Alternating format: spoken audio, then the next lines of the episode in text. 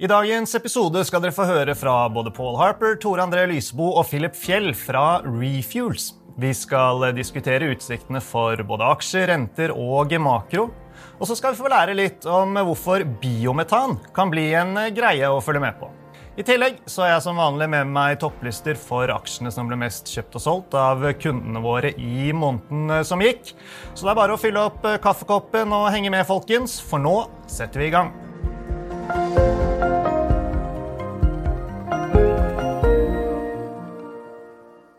Velkommen til Utbytte, DNB-podkasten der vi forklarer hva som skjer i den globale økonomien og finansmarkedene.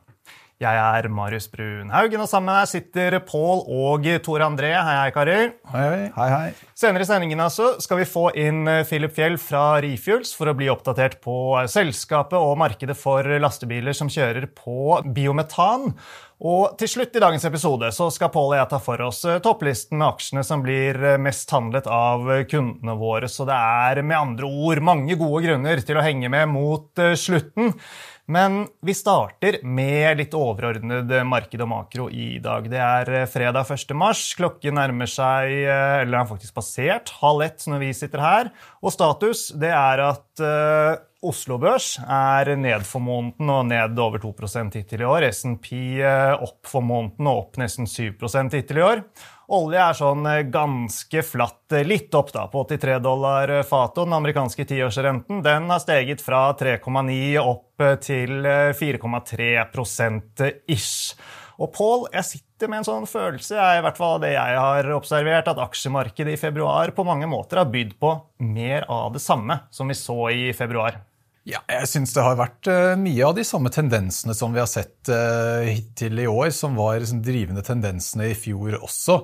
Så når vi ser på liksom, hvilke type aksjer er det som har gjort det bra, det er liksom den, uh, i USA disse Magnificent Seven som har virkelig hatt en sterk utvikling, mens sånn gjennomsnittaksjen i USA gjør det vesentlig dårligere enn de, de, største aksjene. Samme ser vi også i Europa, at der er det også en fem-seks store aksjer som drar mye av lasset. I Norden har vi Novo Nordisk som gjør mye av jobben, mens i Norge så sliter vi litt. Vi har liksom ikke noe sånn enkelt store selskap som virkelig gjør det sterkt om dagen. De største i Norge er faktisk marginalt dårligere enn gjennomsnittet, så Oslo Børs av den grunn blir hengelig etter. Ja, og vi ser det gjør seg gjeldende også i hvordan kundene handler på topplisten for hva som blir handlet av de internasjonale aksjene av private investorene for februar måned. Så finner vi Nvidia.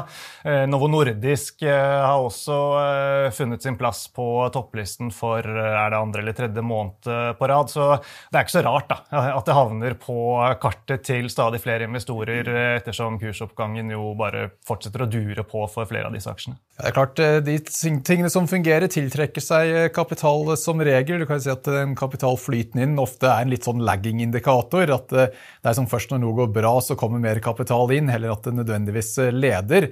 Men det blir veldig interessant å se om disse aksjene kan fortsette en såpass sterk outperformance som to år på rad, eller tre år for, for enkelte av disse selskapene. Kan virkelig outperforme så mye flere, flere, år på rad, eller kommer du til å enten se at de stopper opp og da hele indeksen da begynner å slite, eller om man får en rotasjon inn i de litt mindre selskapene, og eventuelt de kan begynne å bidra mer på oppsiden. Mm. Og Tor André, I forhold til investeringer i internasjonale aksjer og andre typer aktivaklasser, så er den norske kronen relevant, og den fortsetter jo å svekke seg, da, som den har gjort siden årsskiftet? Ja, det er helt riktig. Vi pleier jo vanligvis å si at iallfall historisk så har det vært en venn i nøden. Nå er det jaggu meg en venn når det ikke er nød også. Så dette har vært en hyggelig start for norske investorer i globale markeder. Men jeg tror vi skal strekke strikken litt lenger. Så hvis vi ser hva som foregikk i desember også, og ser de to eller tre månedene vi er nå under ett, så er bildet litt annerledes. For kronen styrket seg ganske kraftig gjennom desember også. Så det er litt mer Kan vi heller si at det har vært litt sideveisbevegelser de siste månedene. Men akkurat starten av året har jo vært fantastisk for de som har vært investert globalt. Mm. På alle disse store selskapene som har stått for mye av oppgangen i uh, aksjemarkedet, der, der, har vi også en grunn til at vi ser at uh, Oslo Børs har gjort uh, langst dårligere når vi ser avkastningsmessig, for der, der har jo ikke de store levert. Nei, så litt nærmere på dette her. Som hva, hva, er egentlig som den eh, fellesfaktoren som forklarer dette her? Og det er jo fristende å tenke at det er størrelse som er eh, greia, at det er liksom large caps som outperformer small caps. og Det er jo tilfellet. Men eh, jeg vil ikke si at det egentlig er en veldig god forklaring når vi ser i Norge i hvert fall, så er det store selskap som gjør det dårligere. Og så er det sånn En vekst i forhold til eh, value er en, en, typisk sånn forklaringsfaktor. og Når rentene trekker oppover, så eh, tenker man at eh, ja, da, da, skal jo egentlig value gjøre det bedre enn vekst, men i USA så er det jo typisk vekstselskap som, som gjør det best. Så Det som jeg tror er kanskje den beste fellesforklaringen her, er at det de kaller quality, som egentlig er forklaringsfaktoren. Når du har et marked hvor det er sånn gjennomsnittsaksjen, så faller inntjeningsestimater. Da pleier sånne quality-selskap å være noe mer robust på inntjening. Det er jo nettopp derfor de blir kalt eh, mm. quality-aksjer. Mm. De har som regel sterk balanse, så de tåler høyere rente mye bedre enn eh, mye annet. Så eh, Novo Nordisk det kommer jo inn, inn, i den kategorien, klarer å vokse uavhengig av veksten i økonomien disse mer sånne temaaksjer rundt Nvidia f.eks. uh, Der er det heller ikke noe sånn uh, like syklisk, kan du si. For at kunstig intelligens det skal jo være et mer sånn secular growth theme, så det er også en litt mer sånn quality-faktor. Så ja, det er en slags narrativ rundt disse enkelte aksjene som varierer litt fra selskap til selskap. Men jeg tror liksom skal man prøve å finne et fellestrekk, så vil jeg si at det er den såkalte quality-faktoren som er det viktigste. Og der sliter vi litt i Norge. Det er ikke veldig mange selskap som kommer inn under den kategorien. Kongsberg er jo kanskje ett eksempel, og det er jo da blant uh, årets vinnere. Ja, Pål uh, lærte meg her for en episode eller to siden, to siden Tor André, at uh, Tomra er priset på samme eller høyere multiple enn Nvidia, Nvidia. Det er jo litt morsomt i seg selv. Ja, det må jeg si er virkelig interessant. Det er helt klart. ja, ja, Pål. Men prisingen av hovedindeksene? Ja, det, det kommer jo sånn helt an på, ja, det, kom, det kommer jo helt an på helt eh, hva du måler det mot. Eh, si, mot egen historikk så er det vel om, sånn, omtrent på, eh, på, det historiske snittet, verken dyrt eller billig. Men når du ser tilbake i den perioden man måler det mot, da, så har jo renter stort sett vært noe lavere enn de er i dag i den perioden. Så relativt til renter så vil jeg si at uh, Oslo Børs er litt på den dyre siden. Ikke noe katastrofe, men uh, og relativt til uh, nordiske aksjer kanskje hakket billigere på akkurat det punktet. Men det er dette her at vi har blitt så vant til at renter er veldig lave nå de siste, ja, egentlig siden finanskrisen, så har rentene vært ganske nær null i, i lange perioder. Og Ser man tilbake i et, et ordentlig historisk perspektiv, da, altså mye lenger tilbake enn finanskrisen, så er det jo heller da de siste 10-15 årene som har vært unntaket. Rente skal jo ikke være rundt uh, null. Så sammenligner du prising med en litt mer sånn normalrente, som jeg tror det er omtrent der vi er nå, heller enn å tenke at renter er kunstig høyt nå, så vil jeg si at ja, litt på den dyre siden, uten at det er noe, noe sånn helt ekstremt. Ja. Ja, Tor André, Vi har jo snakket flere ganger om at renter igjen er et reelt uh, alternativ. Vi ser jo også at det svinger en del i uh, renteland. Uh, hva har det vært å hente i, i rentemarkedet i februar? Ja, Februar var ikke så mye å skryte av. Det svinger litt, som du sier. Så da kom rentene ganske kraftig opp. Spesielt langrenter rundt om i hele verden, egentlig. Hadde vi en kraftig bevegelse. Og det er som du sier, det er verdt å merke seg at volatiliteten eller svingningen i rentemarkedene har jo vært ganske formidable faktisk de siste tre-fire månedene. Så det er ganske store bevegelser der også. Så er det også verdt å huske at eh, Inneværende år så har jo da rentene steget ganske markert og gitt negativ avkastning i de fleste renteaktiva. Men uh, det er den dårlige nyheten. Den gode nyheten er at uh, når dette har skjedd, så ser fremtiden litt bedre ut. For nå kommer vi inn i markeder med litt høyere løpende avkastning, og den pleier å dominere over tid.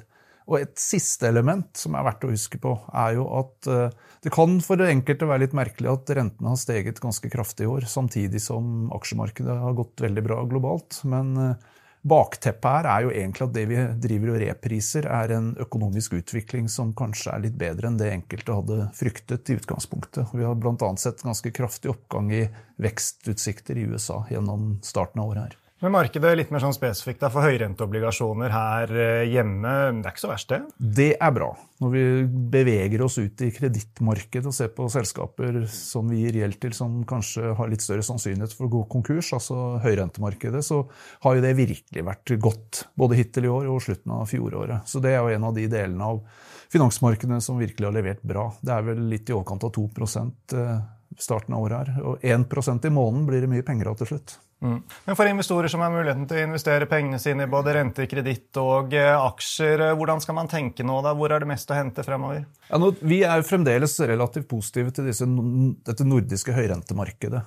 Selv om det har levert bra hittil i år, så tror vi det kommer til å fortsette å rulle og gå ganske bra. Det er en økonomisk utvikling som tilsier at misligholdene ikke nødvendigvis trenger å ta av veldig mye. Eh, og løpende avkastning er veldig veldig god, så vi liker jo fremdeles de markedene. Det er også sånn nå at etter at disse ordinære rentene også har steget en del i begynnelsen av året, så begynner det å bli litt mer attraktivt også. Men det, litt, det, ligner, litt, det ligner, kanskje litt, mer på det Pål snakker om eh, med Oslo Børs. Det er mer nøytralt enn at det er noe løp og kjøp. Mm. Ja, Paul, eh, vi har fått uh, makrodata denne uken i form av tall for uh, prisveksten. Disse PCE-inflasjonstallene i USA kom mer eller mindre på linje med markedsforventninger. I EU litt over forventning av tallene vi fikk i dag. Endrer det noe på, på bildet og hvordan man skal se på veien videre? Nei, Jeg tror ikke så voldsomt mye. Det er klart det, det må liksom være en overraskelse til at det egentlig endrer synet i noe, noe særlig grad. Men det er spennende det med at jeg tror De aller fleste tror at inflasjonen skal komme ned eh, ganske greit. Så Samtlige estimater i konsensus eh, tror at eh, inflasjonen skal ned. Så skal det være sånn noe som kan virkelig overraske alle i år, vil det være nettopp det at inflasjonen kanskje ikke kommer ned like fort som, som alle antar.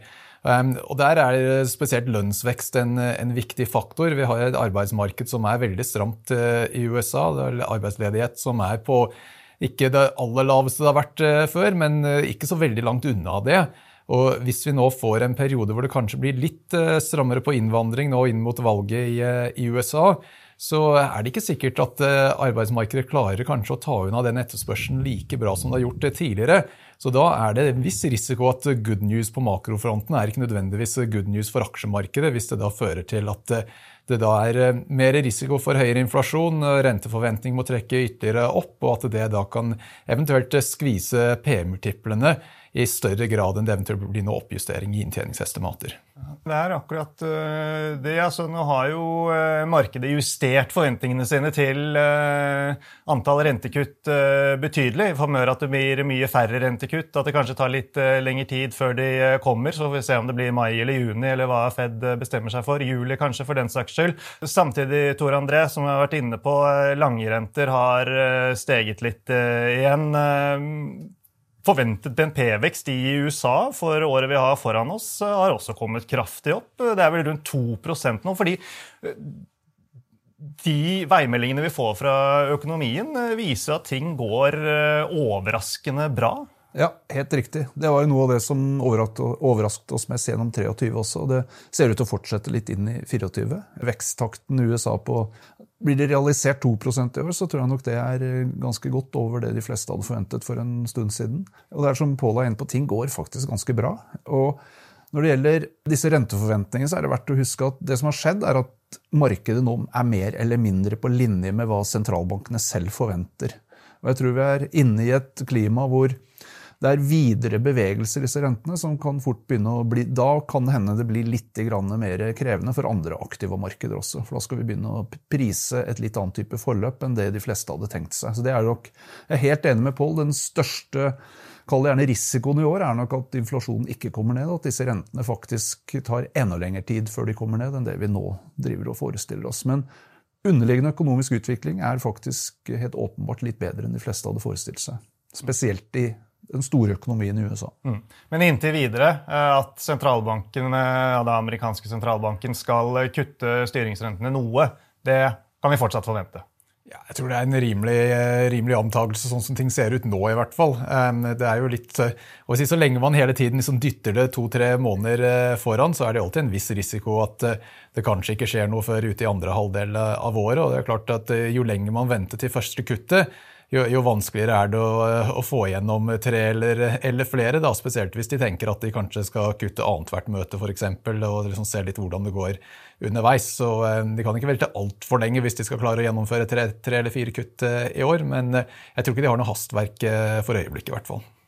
Men apropos optimisme og sentiment. Vi har jo vår egen undersøkelse som vi gjør blant privatinvestorene annenhver måned. Vi har 1000 av de mest eh, aktive kundene våre som eh, er ivrige og svarer på den. Så det gir en eh, grei pekepinn på hvordan de tenker. Investortempen kaller vi jo dette her. og Der sendte vi nylig ut en undersøkelse, og den oppdateringen viser at andelen optimistiske investorer er det høyeste som det har vært på lenge. Er vel kanskje en refleksjon av at markedet også fortsetter å gå, da, i hvert fall globalt. Hvordan skårer det i forhold til indikatorene som eh, dere følger med på? Jeg tror det er En ukentlig Bull og Bear Survey som eh, vi tracker hver uke, den er ja, Det er ikke helt på det høyeste det har vært de siste tre-fire månedene, men det har egentlig vært jevnt høyt nå egentlig siden desember. Så Sånn sett så virker det som sentiment, i hvert fall i forhold til hva folk sier i sånne surveys, ganske fremoverlent. Og det er jo egentlig en litt sånn contrarian indikator. Da, at det er sånn grunnen til å være litt, litt forsiktig da, hvis alle er eh, bullish. Men det kan jo også hende at det er litt forskjell på hva folk sier og hva de faktisk gjør. Liksom, posisjonering er kanskje ikke like eh, fremoverlent som eh, svar i sånne spørreundersøkelser. Så det er jo en litt sånn vanskeligere greie å, å måle helt uh, om, om, svar på sånne ting er, uh, stemmer med det folk uh, faktisk gjør og er posisjonert for. Ja da, det skal vi ta med oss. vi får hoppe videre. Vi skal ikke ha noe dypdykk i geopolitiske hendelsene i dag, men vi kan jo bare ta med oss da, at februar markerte jo over to år med krig i Ukraina. Eh, I løpet av februar så har Ungarn også godkjent Sveriges Nato-medlemskap. Så det er en del sånne eh, store begivenheter på en måte som, eh, som skjer. da. I måneden som har gått, er det også kommet melding om at flere av de nordiske landene har stoppet Nord Stream-etterforskningen som de har holdt på med. Men gradvis fremover nå, og det er poenget mitt her, Tor André, så er det vel rimelig å forvente at fokuset i enda større grad enn det det har gjort fram til nå, vil handle om presidentvalget i USA. Det er alle alle opptatt av, eh, enten vi snakker om oss i eh, finansmarkedet eller lederne i Europa, Russland, Kina, Midtøsten osv. Dette ja. betyr noe for alle. Definitivt. Dette tror jeg kommer til å ta overskriftene i stadig større grad. så det er bare å gjøre seg klar. Og så er det også greit, bare for de som sitter her og hører på, som begynner å kjenne at dødsnervene dukker opp i forbindelse med dette valget. Det er nok mange som er litt sånn smånervøse her. Det pleier å være, iallfall. Så har vi også tatt en liten titt på det. og Hvis vi ser på valgår tilbake til 1928 i USA, så er det faktisk ganske sjelden at de ender i svært dårlige markeder. Det har skjedd fire ganger at uh, aksjemarkedet i USA har falt mer enn 5% og det er i 1932, 1940, 2000 og 2008. Og de er alle år som er preget av en del spesielle hendelser som ikke har så mye med valget å gjøre. Mm. Så, Men mer at økonomien har eh, tryna igjen? Ja, det er både verdenskriger og økonomier og finanskriser. Så det er greit å gå tilbake til eh, en av valgkampstrategene til Bill Clinton i 92, når han uttalte at eh, 'it's the economy, stupid'. Det tror jeg gjelder her òg. Mm. Du skal få gå tilbake til desken ganske straks, Tor André, og da skal vi få Philip Fjell foran mikrofonen. Men før det så må du gi oss ditt oppsummerte syn på veien videre. Vi er jo tross alt i mars. Det markerer markere starten på eh, våren her på den nordlige halvkulen. Eh, selv om det ikke helt føles sånn som været er her i hovedstaden i dag. Det er ganske grått og trist eh, ute. Men spørsmålet, Tor André, har investorene grunn til å være litt våryre fremover, sånn som du vurderer markedet? Ja, vi kan vel si at Våren har jo kommet ganske tidlig enkelte steder, som vi allerede har snakket om. Spesielt kanskje i globale aksjemarkeder så har jo faktisk starten vært veldig god. Vi har litt av det samme i en del av disse høyrentemarkedene vi har snakket om. Der tror vi vel egentlig at det kommer til å fortsette å være rimelig gode tider fremover. Eh, den renteoppgangen som ligger bak oss i starten av året, borger litt for at vi kan få litt bedre avkastning i en del av renteeksponering fremover også. Og i aksjer så tror jeg, akkurat som Pål er inne på, at det er jo eh, vi er utsatt for ganske mange forskjellige krefter her, så volatilitet kan nok kanskje begynne å dukke opp igjen. og Det er greit å ta med seg at mange er positive, selv om de ikke alltid sier det de faktisk gjør. Det er veldig verdt å merke seg. Jeg har sett flere studier fra institusjonelle investorer hvor de faktisk, hvordan de faktisk er eksponert, så er det ofte litt mer defensivt enn det du tror når du ser disse tillitsundersøkelsene. Så det er greit å ha det i bakhold også. Men at det blir en kanskje vår og sommer, ikke minst høst, med litt eh, svingninger, tror jeg vi alle skal være forberedt på.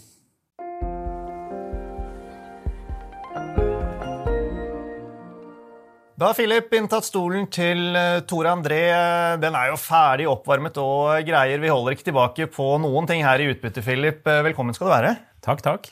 Vi snakket jo litt kort om eh, geopolitikk og det kommende amerikanske presidentvalget rett før du kom inn, men EU-reguleringen er vel kanskje enda viktigere for deg og selskapet Refuels, som du leder? Ja, må nok si det. Skal òg for så vidt si at det som skjer i USA, og det som har skjedd på LNG-fronten i USA, med tanke på at det har reddet det europeiske gassmarkedet de siste to-tre årene, har vært viktig for oss også. Kundene våre de kommer jeg nok inn på om litt, men kundene våre de, de, betaler basert på naturgassprisene. Og det at naturgassprisene har kommet ned de siste par årene, er jo, er jo pga. det som har skjedd i USA. Mm. Så selvfølgelig skjer det noe der på LNG-eksportplanene fremover, så kan det bli interessant. Men hovedsakelig så er det EU-reguleringer og UK-reguleringer, altså Storbritannia-reguleringer, med tanke på det som skjer med med grønne, eller ambisjoner på grønn, grønn transport. Ja, Interessant. altså Alt henger sammen med alt. Det har jeg sagt mange ganger og kommer sikkert til å si mange ganger til. Men du er altså grunnlegger og leder av Refuels, som er notert på Aeronext eh, Growth. Det ble dere i eh, mai i 2023, så relativt eh, ferske. Kan ikke du starte med å fortelle hva Refuels gjør? Jo, vi gründet selskapet CNG Fuels for ti år siden.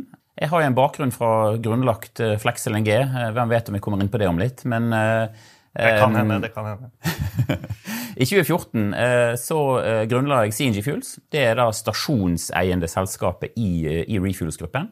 CNG Fuels det bygger og drifter store fyllestasjoner for biometan lastebiler i, i UK. Her i Skandinavia, i Norge, så kalles det biogass. Men biogass er jo da gass som, som, som produseres av avfall. Matavfall, eh, kloakkslam, eh, gjødsel fra, fra, fra gårder eh, osv. osv. Og det har tatt lang tid å bygge opp momentum. så grunn, Grunnet det i, i, 2014. Begynte å få skikkelig eh, takeoff rundt faktisk akkurat når pandemien slo til i, i, i 2020. Og på tross av pandemi, på tross av energikrise, eh, på tross av høy inflasjon nå, så vokser vi nå 50-60-70% i året med tanke på dispensed volum. Og nå, nå, har vi virkelig kommet opp i launch, launch speed. Eh, Borti, borti UK nå har vi 1,2-1,3% av hele lastebilmarkedet. De fyller på stasjonene våre. Og med den veksttakten vi nå har, så regner vi med at det kommer bare til å akselerere eh, fremover. Mm. Altså, jeg så faktisk en eh, lastebil når jeg gikk på vei hjem fra Sats i går. Eh, på, den, på siden av den så sto det 'Vi kjører på biogass'. Og så var det bilde av en sånn uh, blid figur, og så var det noen grønne blader i logoen på traileren. Og så tenkte jeg ja, der inne sitter en lykkelig lastebilsjåfør som er fryktelig fornøyd med å kjøre rundt på biogass. Men dette skjer, uh, altså. Det skjer i Norge, og, og det skjer i enda større grad i Storbritannia. Er det sånn? Det gjør det. Og det som er interessant, er at mye av dette har egentlig vært under radaren. Sant? Det har vært veldig mye fokus på hydrogen, eh, som kanskje kan bli det, som, det, det store i, med tanke på å avkarbonisere tungtransport. Og så har det selvfølgelig vært mye snakk om elektriske lastebiler. Sant? Alle vet jo at Elon Musk har jo for seks, syv, åtte år siden, og har glemt hvor lenge det er siden nå, eh, lanserte jo liksom Tesla Semi med brask og bram. Og PT så, så, er det jo veldig få av de på, på veiene. Kundene våre, som da er jo bluechip-kunder i, i, UK, sant? Amazon, DHL, Tesco, Waitrose, John Lewis osv. osv. Veldig kjente, og Lidl, Aldi osv. Veldig kjente eh, selskaper i UK. De har ganske tighte ambisjoner og veldig, veldig korte tidslinjer for å avkarbonisere tungtransporten sin. Eh, det er mange som vil, gjøre, eh, vil være 50% av diesel innen 2025. 100% innen 2030 eller 2032, da har de ingen andre alternativ enn å gjøre noe som er faktisk her og nå, som de kan skalere med her og nå. Og da er det biometan og biogass. Og det er ikke bare i UK dette skjer, eh, det skjer også eh, over hele EU. Sånn sett så er jo det som har skjedd i Skandinavia, og spesielt Norge, har jo vært litt, litt etter og en liten sinke. Men det er riktig som du sier, det er busser her som går på, eh, som går på biogass. Og de fungerer faktisk også på vinteren, har jeg hørt. Så du får faktisk busser i Oslo som går på biogass, og da, og da kan du bruke de på vinteren istedenfor elbusser. Um, men så har du også uh, lastebiler og, andre um, kjøretøy her i, her i, Norge, men det er på en mye mindre skala enn det vi ser, uh, ser ute i Europa. Mm. Men er det ikke en utfordring at uh, biometan ikke skalerer nok, og at fornybar diesel f.eks. blir trukket fram som mer interessant? Det er i hvert fall et argument som jeg snappet opp i de veldig korte forberedelsene jeg gjorde til uh, dette her. Ja, og, og, og, det er en liten sånn uh, Hva skal man si Ofte feiltolkning på hvordan verden ser ut sånn sett. Okay. Hvis du ser på uh, hvordan du produserer biodiesel, så kommer veldig mye av det av f.eks. brukt frityrolje og andre waste oils, for å si det sånn. Det er, det er begrenset tilgang på den type feedstock i verden i dag. Og Det gjør bl.a. at når du ser fremover nå, og vi skal over um, Europa spesielt fra og med 1.1.2025, skal over på noe som heter Sustainable Aviation Fuel. Det vil si at, at flyene, um, alle fly i Europa, i EU, eh, Norge er litt annerledes, men i EU og UK, må ha 2% fornybart drivstoff fra og med 1.1.2025. Det kommer til å produseres av nesten en identisk feedstock som i dag brukes i biodiesel, til veitransport. Og Det gjør at du får en veldig sterk konkurranse på den type feedstock-allokering som skal inn mot det.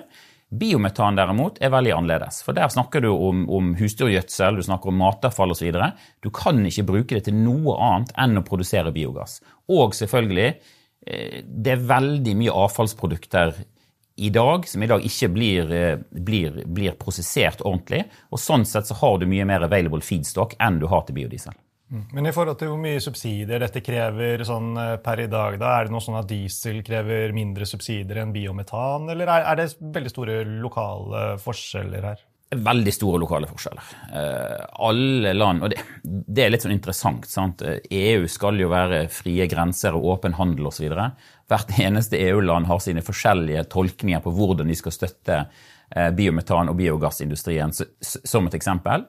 Eh, men i UK eh, vi mottar ikke noen subsidier i det hele tatt for å bygge ut stasjoner. Eh, de som kjøper lastebiler i dag, får ikke noen subsidier. Så dette er basert på markedsbaserte mekanismer. Som jeg vil si, selvfølgelig ikke helt objektiv, det skal jeg innrømme, men som jeg vil si faktisk har mer, tror jeg da, mer, mer fremtid i seg enn f.eks. måten Sustainable Aviation Fuel altså kommer til å bli støttet fremover.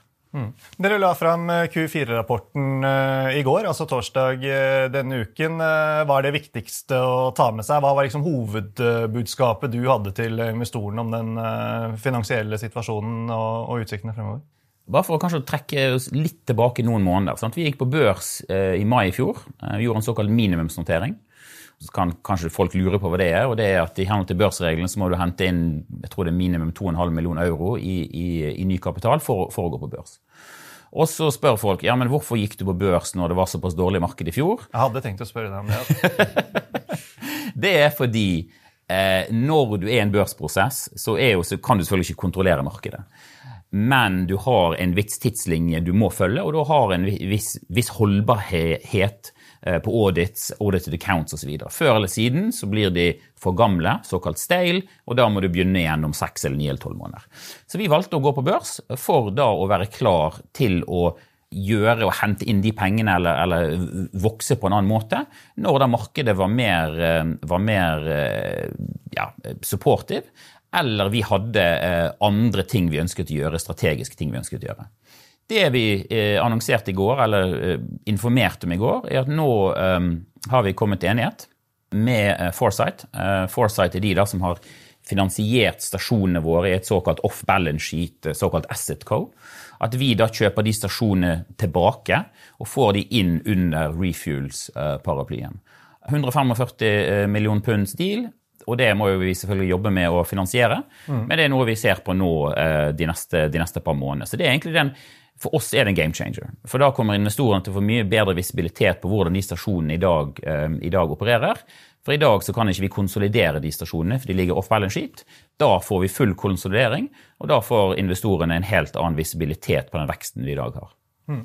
Og dere prøver å være sånn relativt flinke til å oppdatere markedet. Dere kommer med månedlige oppdateringer, gjør dere ikke det? Hva er det dere forteller om det? Da forteller vi om eh, jeg skal ikke si vi er litt sånn som Norwegian, men vi ble inspirert av det flyselskapene gjør der de kommer ut og sier hvor mange passasjerer de har osv. Så, videre. så vi, vi, oppdaterer på hvor mange, hvor mange, lastebiler vi har som går gjennom stasjonene våre per måned. Vi oppdaterer på antall uh, kilo, uh, eller tonn, uh, som, som, er dispenst inn, inn, i lastebilene, osv. Det Det sånn at investorene kan ha fingeren på pulsen med tanke på hvordan går dette, og ikke bare vente fire ganger i året til kvartalsrapportene, men at de kan følge veksten vår måned for måned fremover. Mm. Kan ikke du bare tegne det korte bildet for oss uh, i forhold til uh, tallene til selskapet? Altså, hvordan ser det ut i inntekter, marginer, balansen osv.? Ja, det er et veldig godt spørsmål. Uh, på grunn av at I dag så har, du, har vi den, denne situasjonen der vi har den off balance sheet-strukturen. Mm. Så hvis, hvis, du begynner med stasjonen off balance sheet, da, der ligger vi nå på en run rate på et sted mellom 500 000-600 000 pund EBTA i, i måneden. Eh, på slutten av dette året her så forventer vi at den ligger opp mot en million pund pluss EBTA i måneden. Hvis du da ser på eh, selve selskapet i dag, eh, der vi ikke kan konsolidere de, der, der, driver vi i dag med et, et, lite underskudd. Og Det er fordi vi har SG&A, vi har business development, kostnader osv. osv. Og det er grunnen til at vi ønsker å bringe alt dette sammen. Sånn at vi da en, rydder opp i strukturen, eh, men òg kan konsolidere dette. Så det er mye mer vi, har større visibilitet for, eh, for, investorene. Men hvis vi ser på veksttakten vår fremover, og det har vi guidet mye på Vi, vi har jo vi har holdt på med dette i ti år, og det er alltid lett å, å, å vokse kjapt fra noe som, der du begynner på null. Det, det, er ikke veldig vanskelig. Men når du har vokst ganske kjapt i fem, seks, syv år, så er det alltid, alltid vanskeligere. Vi hadde 65 eh, volumvekst eh, på stasjonene våre i fjor. Vi ser for oss at vi ligger 50-60-70% i år også. Faktisk så kunne vi vokst enda kjappere hadde vi hatt enda flere stasjoner eh, operasjonelle i dag. Vi hadde kanskje til og med hatt 100% vekst i fjor. Så vår constraint sånn sett, og det er også litt av grunnen til at vi ønsker å bringe stasjonene inn, eh, er at det gjør det enklere for oss å finansiere enda flere stasjoner going forward. For i dag, vi vi er ikke, vi er ikke constrained av eh, kunder som ønsker å kjøpe lastebiler, eller lastebiler som kan bygges, eller biometan som er available. Det er bare antall stasjoner som vi har under bygging, som i dag holder tilbake veksten vår enda mer. Så antall eh, lastebiler på veien det kan bare vokse og vokse. Dere har eh, god kontroll på at dere har nok eh, kapasitet til å, ta unna for det? Definitivt. Altså Hvis du ser på stasjonsnettverket vi har i dag, så, så har vi plass til ca. 7000 lastebiler per dag som, som, kan komme og fylle. I dag er vi på 1700. Hvis du tar den, den, den bekreftede ordrebroken, som er på ca. 1000, så er vi oppe i 2700. Så vi har masse plass fortsatt på de. Men selvfølgelig, Storbritannia er et, er et, stort land. Eh, ikke nødvendigvis geografisk så stort, men det er mye folk. 70 millioner mennesker pluss minus. Det er mye distribusjonssentre. Så, sånn sett, og, og, vi bygger disse stasjonene nærme de, de store distribusjonssentrene der lastebilene kjører inn og ut. Sånn sett, eh, vi har 15 stasjoner, 13 operative i dag, to under bygging. UK i 2025 kunne hatt 50-100 stasjoner, og det hadde fortsatt ikke vært, vært nær maturity. Mm, hva er nøkkelen, nøkkelen for å lykkes med eskalering? Stasjoner. Det er det eneste. Det eneste vi, vi mangler for nå. Få tak i nok tomter. Og der har vi gjort en veldig god jobb. Vi har, vi har fem ansatte som bare driver med å sikre tomter, som, som, som forhandler med, med, landowners, forhandler med myndighetene for å få permits osv. osv. Og derfor så ønsker vi nå å gå inn og bygge fem nye stasjoner eh, veldig kjapt. Og de fem stasjonene, pga. at vi er nå blitt et mer modent selskap og mer moden kundemasse osv., det nevnte vi òg i går, at de ligger jo på en, på en ugiret eh, IRR på et sted mellom 25 til 45% Så det er litt sånn interessant, egentlig. For det, folk sier jo at ja, men det å avkarbonisere, spesielt tungtransport, er veldig vanskelig. Nei, det er ikke veldig vanskelig. Det er veldig vanskelig hvis du gjør det feil. Men hvis du gjør det riktig, så er det faktisk ganske så enkelt, men det tar tid. Den største flaskehals for vekst, da? Hva er det? Er det politisk risiko? Nei, altså vår flaskehals for vekst i dag er jo kapital. Mm. For helt ærlig. Eh, altså vi, vi, listet i fjor eh, fordi vi, vi ønsket å, eh, å, bruke det å være listet for å få tilgang på kapital. Men markedene har vært, eh, har vært veldig tørre, og, og, og, det har gjort at veksttakten vår ikke har vært så kraftig som den har vært. Men det har vi ambisjoner om å ordne opp i eh, over de månedene som kommer. Du har jo vært inne på det, men uh, du sa til meg at uh, noen ser på dere som et uh, bedt på bærekraftig flybensin. Bare liksom forklar det hvorfor. Ja, hvis du går tilbake igjen til det jeg så vidt nevnte, sant, så er det det at hvis du ser på flybensin og bærekraftig flybensin, så er det mange forskjellige produksjonsmåter du, du kan gjøre det på. Men det er nå engang sånn at den eneste metoden som PT i dag er skalerbar, um, og som er eh, økonomisk, eller som gjør at flybensin blir relativt, eller mindre dyr, for å si det sånn, den er fortsatt veldig dyr, mindre dyr, Det gjør at du må bruke samme, eh, samme feedstokken som i dag vanlig eh, veidiesel, eller fornybar veidiesel bruker. Vi genererer veldig mye sertifikater eh, ved, å, eh, ved å supplye biometan gjennom stasjonene våre. Såkalte RTFCs. For de som er interessert, så vil de lese rapportene våre eller, eller materialet vårt, og så vil de se at det er noe som heter RTFCs der. Disse sertifikatene eh, de har historisk gitt veldig gode marginer. Det har de ikke gitt de siste 12-18 månedene. Fordi det har vært veldig mye hva skal man si, eh, diskutabel kinesisk biodiesel som har kommet inn i det europeiske markedet, som har presset ned prisene. Men hvis du da ser bort ifra det, og du ser fremover, så er omtrent alle som følger dette markedet, glem hva vi sier, men alle som følger det markedet, de er, de er eh, enstemmige om én ting, og det er at fornybar eh, flybensin er det såpass stor betalingsvillighet for at den kommer til å ta veldig mye av feedstocken som i dag går inn i biodieselmarkedet. Mm. Og det kommer da til å pushe opp prisen på disse sertifikatene. Eh, for, for prisen på sertifikatene den er satt av biodiesel. Eh, fordi biodiesel er jo det som det går mest av inn i, inn, inn, inn i tungtransport PT. Så når de sertifikatprisene skyter opp, så uh, benefiter vi av det. Og jeg fikk jo en, som du sa, jeg fikk en kommentar her i fjor fra en eh, analytiker som sa ja, men dette her er jo et ganske enkelt case, Philip. Hvis du bare skjærer gjennom dette her, glem det, all den gassgreien og disse, og disse, og disse lastebilene dere har. Over de neste par årene så kommer dere egentlig til å bli eh, et perfekt bet på, eh, på veksten av, av, fly, av, av fornybar fly, fly, flybensin, sånn sett, og effekten det kommer til å ha på feedstock-markedene. Mm. Ok, ok. Bra. Eh, men hvis vi skal oppsummere, da, Philip, altså, hva er det viktigste som skal drive inntjening og marginene deres fremover? Antall lastebiler eh, som bruker stasjonene våre. Så utilization. Ja. Så det er, og det, og det, Hvis du ser på Q3-rapporten vi sendte ut i går, og Q3-slidene vi sendte ut i går, så har vi veldig god visibilitet på det. Eh, vi er i dag den eneste aktøren som tilbyr disse stasjonene i, i det britiske markedet. Og sånn sett, Hvis du da er en stor aktør og du går og bestiller en CNG-lastebil i dag, så må du bruke stasjonene våre. Så dette er ene og alene, og, og, og, for de som ønsker å følge oss, så sånn sett så blir det ganske enkel ting å følge med på. Det er antall kilo som går gjennom stasjonene våre. Og så er det det vi guider på med tanke på lastebiler som da bruker stasjonene våre hver måned og det vi ser av, av, av confirmed uh, orderbooks uh, fra, fra, kundene våre. Mm. Ja, Du sa Q3, jeg sa jo Q4 innledningsvis, men dere har kanskje et litt avvikende regnskap? Ja, jeg beklager. Jeg skulle, jeg skulle, det er veldig confusing. Yes. Uh, britene elsker å ha avvikende regnskapsår. Så dessverre, vårt, vårt Q3, eller, eller Q4, er Q1 her. ja. Ikke sant. Ok, ja, men Bra, Pål. Eh, da har vi lært eh, ganske mye nytt i dag. Philip skal være med oss eh, litt til før han forlater oss. Vi må snakke litt shipping også. Og neste uke da skal vi virkelig ha shippingfokus her i podkasten. Da går jo også energi- og shippingkonferansen vår av stabelen her på huset. Så det meste av det som kan krype og gå innen shipping, kommer hit. Og det skal vi også lage en egen episode på. Men det har jo vært mange selskaper i ilden Eh, denne uken, Paul innen shipping. Eh, noe du har eh, fått med deg? Ja, det er Av en eller annen grunn så pleier shippingselskap å komme helt på slutten av rapporteringssesongen, og det har jo kommet flere med tallet denne uken. Golden Ocean er kanskje den som hadde den beste reaksjonen. Den steg ganske kraftig på, på tallene.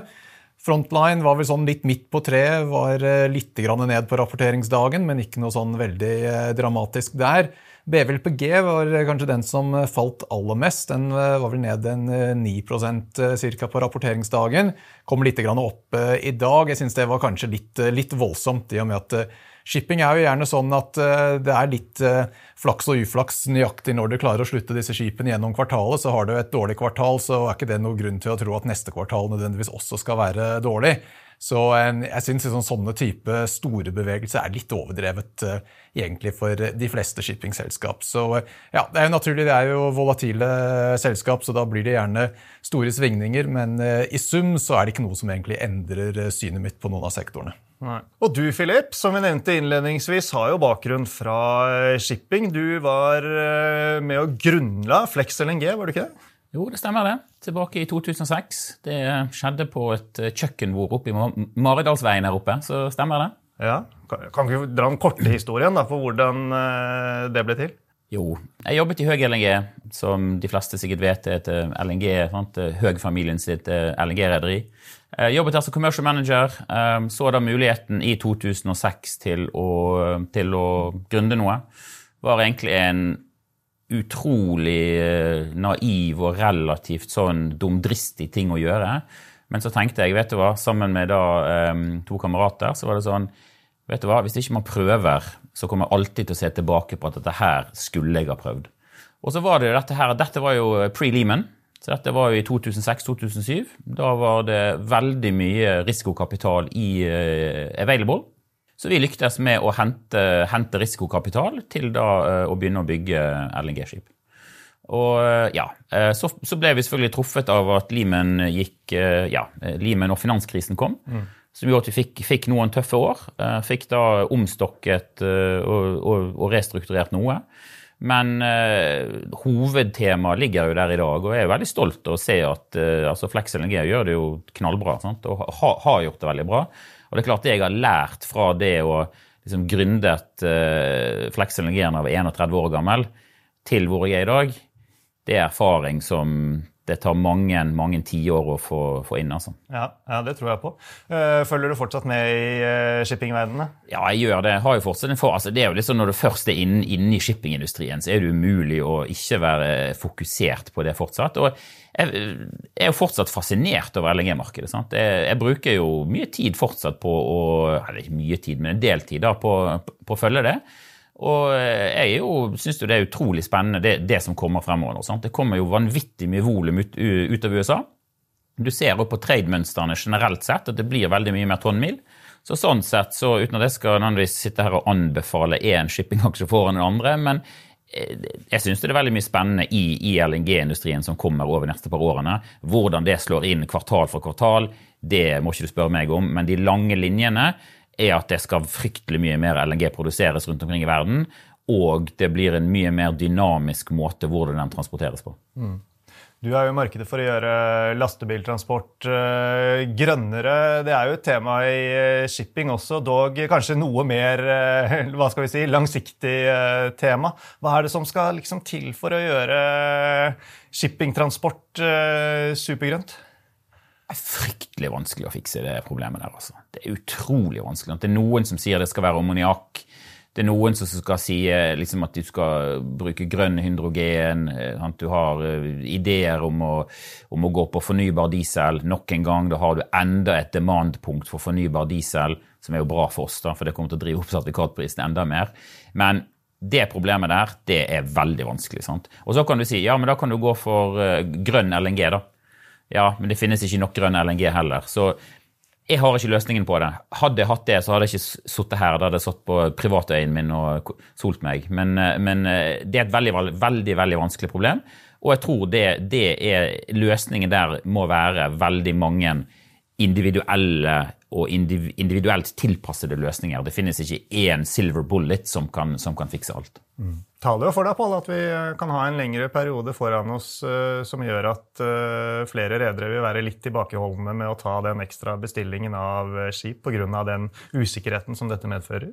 Ja, Det er jo egentlig ganske bullish for shipping generelt. At det er denne usikkerheten gjør at det er en klassisk uh, og si, Nedsiderisikoen som man alltid har i shipping, er at når ting går bra, så blir det bestilt for mange båter, og så har du en del tungeår hvor det er altfor mye kapasitet. Så da blir det liksom litt lettere å holde disiplinen når du har den eh, teknologirisikoen. Og det generelt sett er, er positivt egentlig for hele bransjen. Veldig bra, det. Eh, du skal rekke et fly, eh, Philip. Du skal eh, tilbake til London, så vi må la deg gå. Men det har vært veldig hyggelig å prate med deg, bli kjent med både deg og det dere gjør og prøver å få til i Refuels. Så det blir spennende å følge dere videre, og tusen takk for at du kom. Takk skal du ha.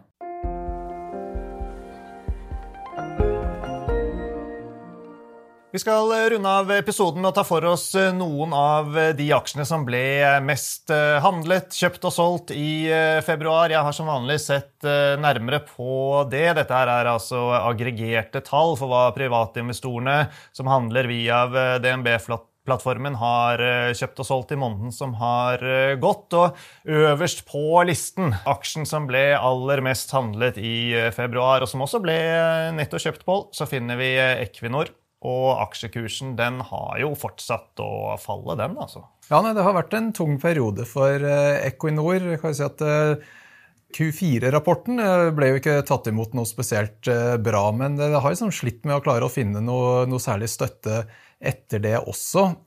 Oljeprisen har jo egentlig kommet litt opp nå i løpet av eh, måneden, men det har ikke hjulpet eh, all verdens. Gassprisen har jo fortsatt vært litt, eh, litt slapp. og det er klart Så lenge gassprisen faller, så er det fortsatt kanskje litt mer nedside enn oppsiderisiko i estimatene. Så, sånn sett så er den litt in the doghouse her, og det er flere utlendinger som har nedgradert aksjen de siste, siste ukene, og vi har vel en holdanbefaling, så vi er ikke noen sånn superentusiaster, vi heller. Nei, og Det er jo litt det samme bildet også for uh, det enda mer rene oljebettet, nemlig Aker eh, BP. Også den har litt sånn samme tendens i februar, falt i første halvdel. Og så uh, har aksjekursen da flatet mer ut da, i andre halvdel av måneden. Aker BP handler rundt ja, er det 260 kroner nå når vi sitter her. Den ble også da den aller mest netto kjøpte aksjen i måneden som har gått. Ja, så Den har jo klart seg litt bedre, både at eh, tallene var tatt imot eh, litt bedre. Men eh, i det hele tatt, da, når du ikke har den gasseksponeringen, så har du ikke den samme negativ mark to market-justeringen som markedet gjør fortløpende i tallene. Når vi så ser på utvikling i Aker BP i forhold til oljeprisen, så kan vi si at det virker jo litt skuffende hvis du ser på det sånn siden starten av året. Men så var det jo også sånn at slutten av fjoråret så holdt aksjen seg kanskje noe bedre enn oljeprisen. Men nå syns jeg det er sånn noenlunde i balanse igjen. Så si, endring i oljeprisen fremover her burde kanskje korrelere litt eh, tettere med aksjekursutviklingen igjen. Ja, og om oljeprisen ikke har uh vært helt korrelert med aksjekursutviklingen i noen av disse oljeaksjene, så ser det heller ikke ut til å ha påvirket eh, Norwegian eh, så mye. Der eh, legger man den positive foten til, og, og kanskje med rette. Vi diskuterte dette nærmere her for et par uker siden når de kom med tall og en veldig god rapport og guiding, Paul. Men Norwegian, en av de klart mest handlede aksjene også i måneden som har gått uh, hos oss. Uh, dere ser er at uh, kundene har benyttet anledningen her da, til å, å, sikre gevinst. Ja, Det er jo interessant akkurat det. Vi har jo sett, det er i hvert fall rykter om at det er um, enkelte andre større institusjonskunder som også har begynt å sikre litt gevinst, selv om det er litt, litt vanskelig å vite om det egentlig er reelt salg, eller om de bare har lånt ut aksjer til mulig shortere, selvfølgelig. Men, Men aksjekursen har jo bare fortsatt oppover. Den er jo nesten på 18 kroner. Ja, det, så det har jo klart å stå imot uh, det. så Sånn sett så er jo det et styrketegn, uh, egentlig. og det, det er jo at eh, det er ikke veldig mange selskap på Oslo Børs hvor estimatene har blitt justert opp gjennom rapporteringssesongen. Så de få hvor det er tilfellet, så, eh, så, får du gjerne litt eh, ekstra igjen for det. For det er en skes faktor. Som regel så vil du eie de tingene som det ikke er så veldig mye av på børs, og helst ikke ha de tingene det er for mye av. Og akkurat nå så er positiv estimatendring en av de tingene hvor det ikke er så voldsomt mye å velge mellom. Så da blir det til at aksjer som Norwegian, som har levert bra, da får litt, litt ekstra oppside. Ja da. Så får jeg bare ta med at i disse tallene som jeg refererer til, da, så ser jeg veldig ofte at eh, hvis en aksje har hatt en sterk utvikling i en eh, måned, så eh, ser vi ofte at det da eh, benytter summen av investorene det til å eh, netto selge aksjen. Uh, uten at vi skal legge sånn altfor mye i det. Vi ser også tilsvarende denne måten på Kongsberg Gruppen. Uh, den har jo hatt en superduper utvikling i aksjekursen. Også denne aksjen ble uh, relativt kraftig eller betydelig nettosolgt i måneden som gikk. En annen aksje vi kanskje også kan touche innom, som vi har snakket om tidligere, er Nordic Semiconductor. og ja, den beveger seg jo eh, opp og ned. Var jo nede på 80 i forbindelse med kvartalsrapporten, men spratt ganske fort eh, opp igjen. Det kom en del kjøpere på banen, og så eh, har det gått litt sidelengs til ned igjen. Og nå ligger den rundt 90 igjen da, når vi sitter her, Pål. Det er ikke helt klar retning her ennå, men det, det hadde vi vel heller kanskje ikke regnet med. Nei, den er litt sånn vanskelig aksje. Der Det har jo vært flere forsøk etter at de har skuffet. Det har jo vært en serie nå med dårlige kvartalsrapporter. og Det er ikke første gangen at eh, investorer har begynt å kjøpe etter dårlige tall med tanke på at det er den siste dårlige rapporten, og nå, nå skal man eh, begynne som prøve å time bunnen. Jeg, si, jeg er alltid litt skeptisk til å prøve å time bunner, for eh, det er jo noe som det er, ser veldig smart ut hvis det får det riktig, men det, er veldig ofte at har du først etablert negativ momentum, så er det en viss eh, persistence eh, i det, og da kan du liksom risikere å bli sittende på eh, noe som bare fortsetter nedover. Så jeg tror i Nordic Semis tilfelle så er det jo sånn at estimatene ble jo kuttet ganske kraftig her, så sånn sett så er jo aksjen dyrere nå enn det var før de rapporterte tallene, så man må være ganske sikker på at dette faktisk er bunnen, og at eh, neste endring i estimatene er oppover. Kurser leder eh, estimater som regel, så, så, sånn sett så er det ikke nødvendigvis feil å, å prøve å time den bunnen akkurat eh, nå, men som sagt så er det ikke første gang dette har skjedd. At fått en god rebound etter, etter et dårlig rapport, og så har det likevel kommet enda en skuffelse kvartalet etter. Så ja, jeg syns sitter litt på gjerdet på akkurat den, syns jeg. Mm. Vi må også innom uh, hydrogenaksjen uh, Nell. Der kom det nyheter uh, denne uken, Pål. Nå vil de skille ut stasjonsvirksomheten sin i, et, i, en egen børsnotering. Ja, Vi er litt skeptiske egentlig til hvor fornuftig dette er. Jeg skjønner at ofte når du ser en sånn type overskrift, så tenker man ja, det, det må jo være en, en, positiv sak. At det som får litt, litt mer transparens i businessen, er ofte noe som blir positivt mottatt i aksjemarkedet. Men eh, i akkurat dette tilfellet så kan det godt hende at eh, transparens egentlig ikke er en fordel for eh, Nell. Vi synes Den businessen her er jo ikke egentlig så voldsomt imponerende, syns vi. Altså en sånn type sidelengs utvikling i topplinjen mens kostnadene har økt. Så skal du skille dette ut, så må du da antageligvis fylle det opp med en del kontanter, for dette taper jo penger hver dag. Det har negativ cashflow.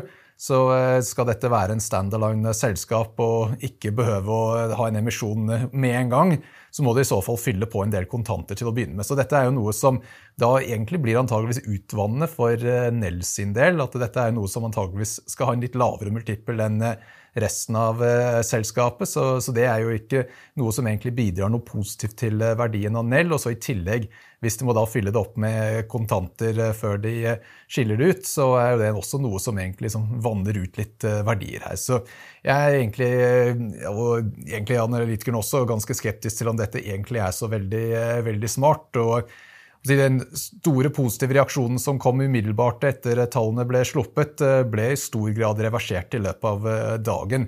Og vi er fortsatt på den negative siden. Kuttet kursmål etter rapporten har fremdeles salgsanbefaling.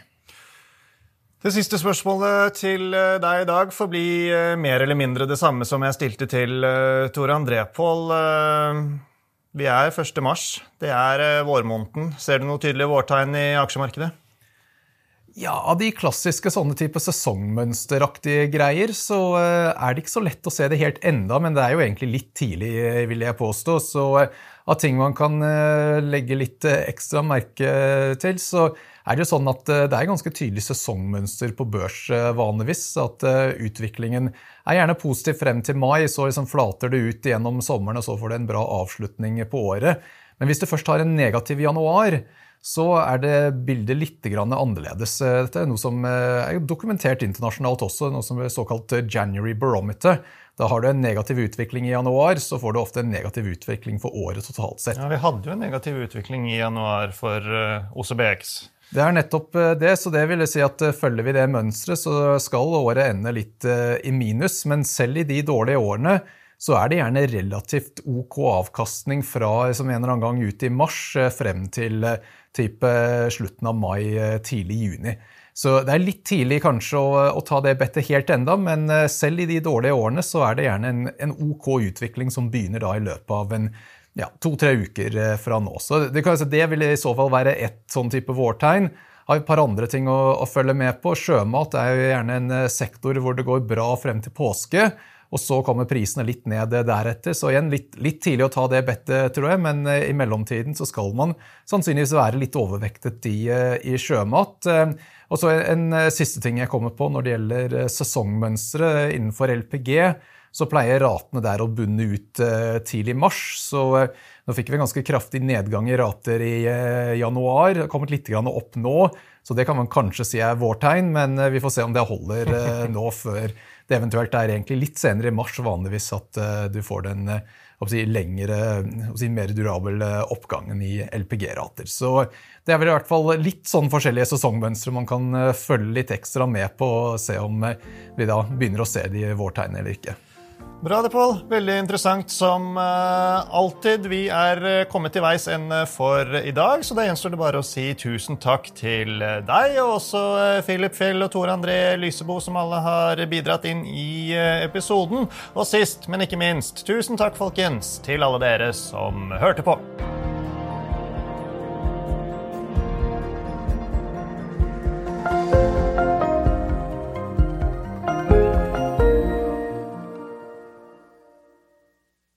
Denne sendingen ble publisert i podkasten Utbytte. Innholdet i sendingen er å anse som markedsføringsmateriale fra DNB og er ment å være generell spareveiledning. Sendingen skal ikke oppfattes som et tilbud om å kjøpe eller selge finansielle instrumenter, eller som investeringsrådgivning tilpasset den enkelte investors situasjon. En investor som har behov for råd eller har spørsmål og informasjon som gis, bør kontakte en finansrådgiver. DNB påtar seg ikke noe ansvar verken for direkte eller indirekte tap som følge av innholdet i sendingen legges til grunn for eventuelle investeringsbeslutninger. Husk at historisk avkastning aldri er noe garanti for fremtidig avkastning. Avkastningen kan bli negativ som følge av kurstap. Bruk av prognoser for å beregne fremtidig avkastning er heller ingen garanti for fremtidig avkastning. Innholdet i sendingen bygger på informasjon fra offentlig tilgjengelige kilder som DNB ser på som pålitelige, men som ikke er uavhengig verifisert. Følgelig gir DNB ingen garanti i forhold til nøyaktighet og fullstendighet. Alle uttalelser her reflekterer DNBs, den enkelte ansatte, eller andre tredjeparts vurderinger på tidspunktet for den aktuelle sendingen, og kan i ettertid endres uten nærmere beskjed. Ytterligere informasjon om bl.a. kildebruk og interessekonflikter er tilgjengelig på dnb.no skråstrek invest, bindestrek disklemer.